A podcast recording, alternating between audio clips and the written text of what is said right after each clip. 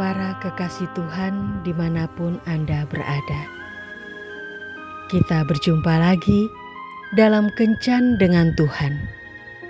Edisi hari Selasa tanggal 12 Mei 2020 Dalam Kencan kita kali ini kita akan merenungkan bacaan dari surat Petrus yang pertama bab 3 ayat 3 sampai dengan 4. Perhiasanmu janganlah secara lahiriah, yaitu dengan mengepang-ngepang rambut, memakai perhiasan emas, atau dengan mengenakan pakaian yang indah-indah. Tetapi perhiasanmu ialah manusia batinia yang tersembunyi dengan perhiasan yang tidak binasa, yang berasal dari roh yang lemah lembut dan tentram, yang sangat berharga di mata Allah. Di zaman modern ini, penampilan sudah menjadi tuntutan bagi semua orang. Beberapa menganggapnya sebagai pembangkit rasa percaya diri.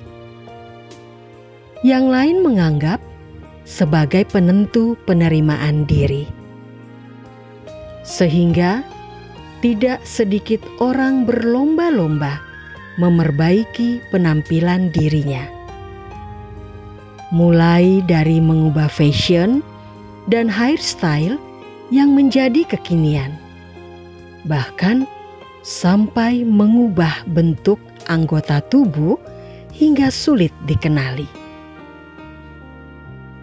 Segala sesuatu mengenai keindahan yang tampak di luar hanyalah fana, tetapi yang kekal, yang tidak akan binasa, justru adanya di dalam diri kita. Inilah kecantikan yang kita kenal dengan sebutan inner beauty. Kecantikan yang mampu membuat kita bersinar dan jauh lebih berkesan dibanding penampilan fisik kita. Seringkali manusia memang tidak menyadari bahwa keberadaan hatinya lah yang membuat dirinya memancarkan daya tarik tersendiri. Bagaimana seseorang berbicara, bersikap, dan memperlakukan orang lain, semua itu lahir dari dalam batinnya. Bila hati seseorang terisi dengan kebencian, iri hati, bersungut-sungut, dan semua hal buruk lainnya, maka hal yang sama akan ia hasilkan melalui cara hidupnya.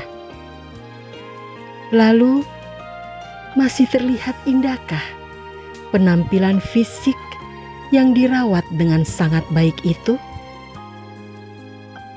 Memerhatikan penampilan luar tidaklah dosa, tetapi jangan kita lupa bahwa merawat hati adalah jauh lebih penting. Hati perlu juga dijaga dan dirawat. Bahkan perawatannya harus lebih intensif dibandingkan dengan penampilan luar kita. Sebab jika sumbernya saja tidak sehat, bagaimana bisa kita memancarkan kehidupan yang sehat juga?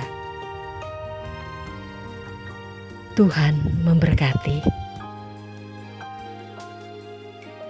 Marilah berdoa.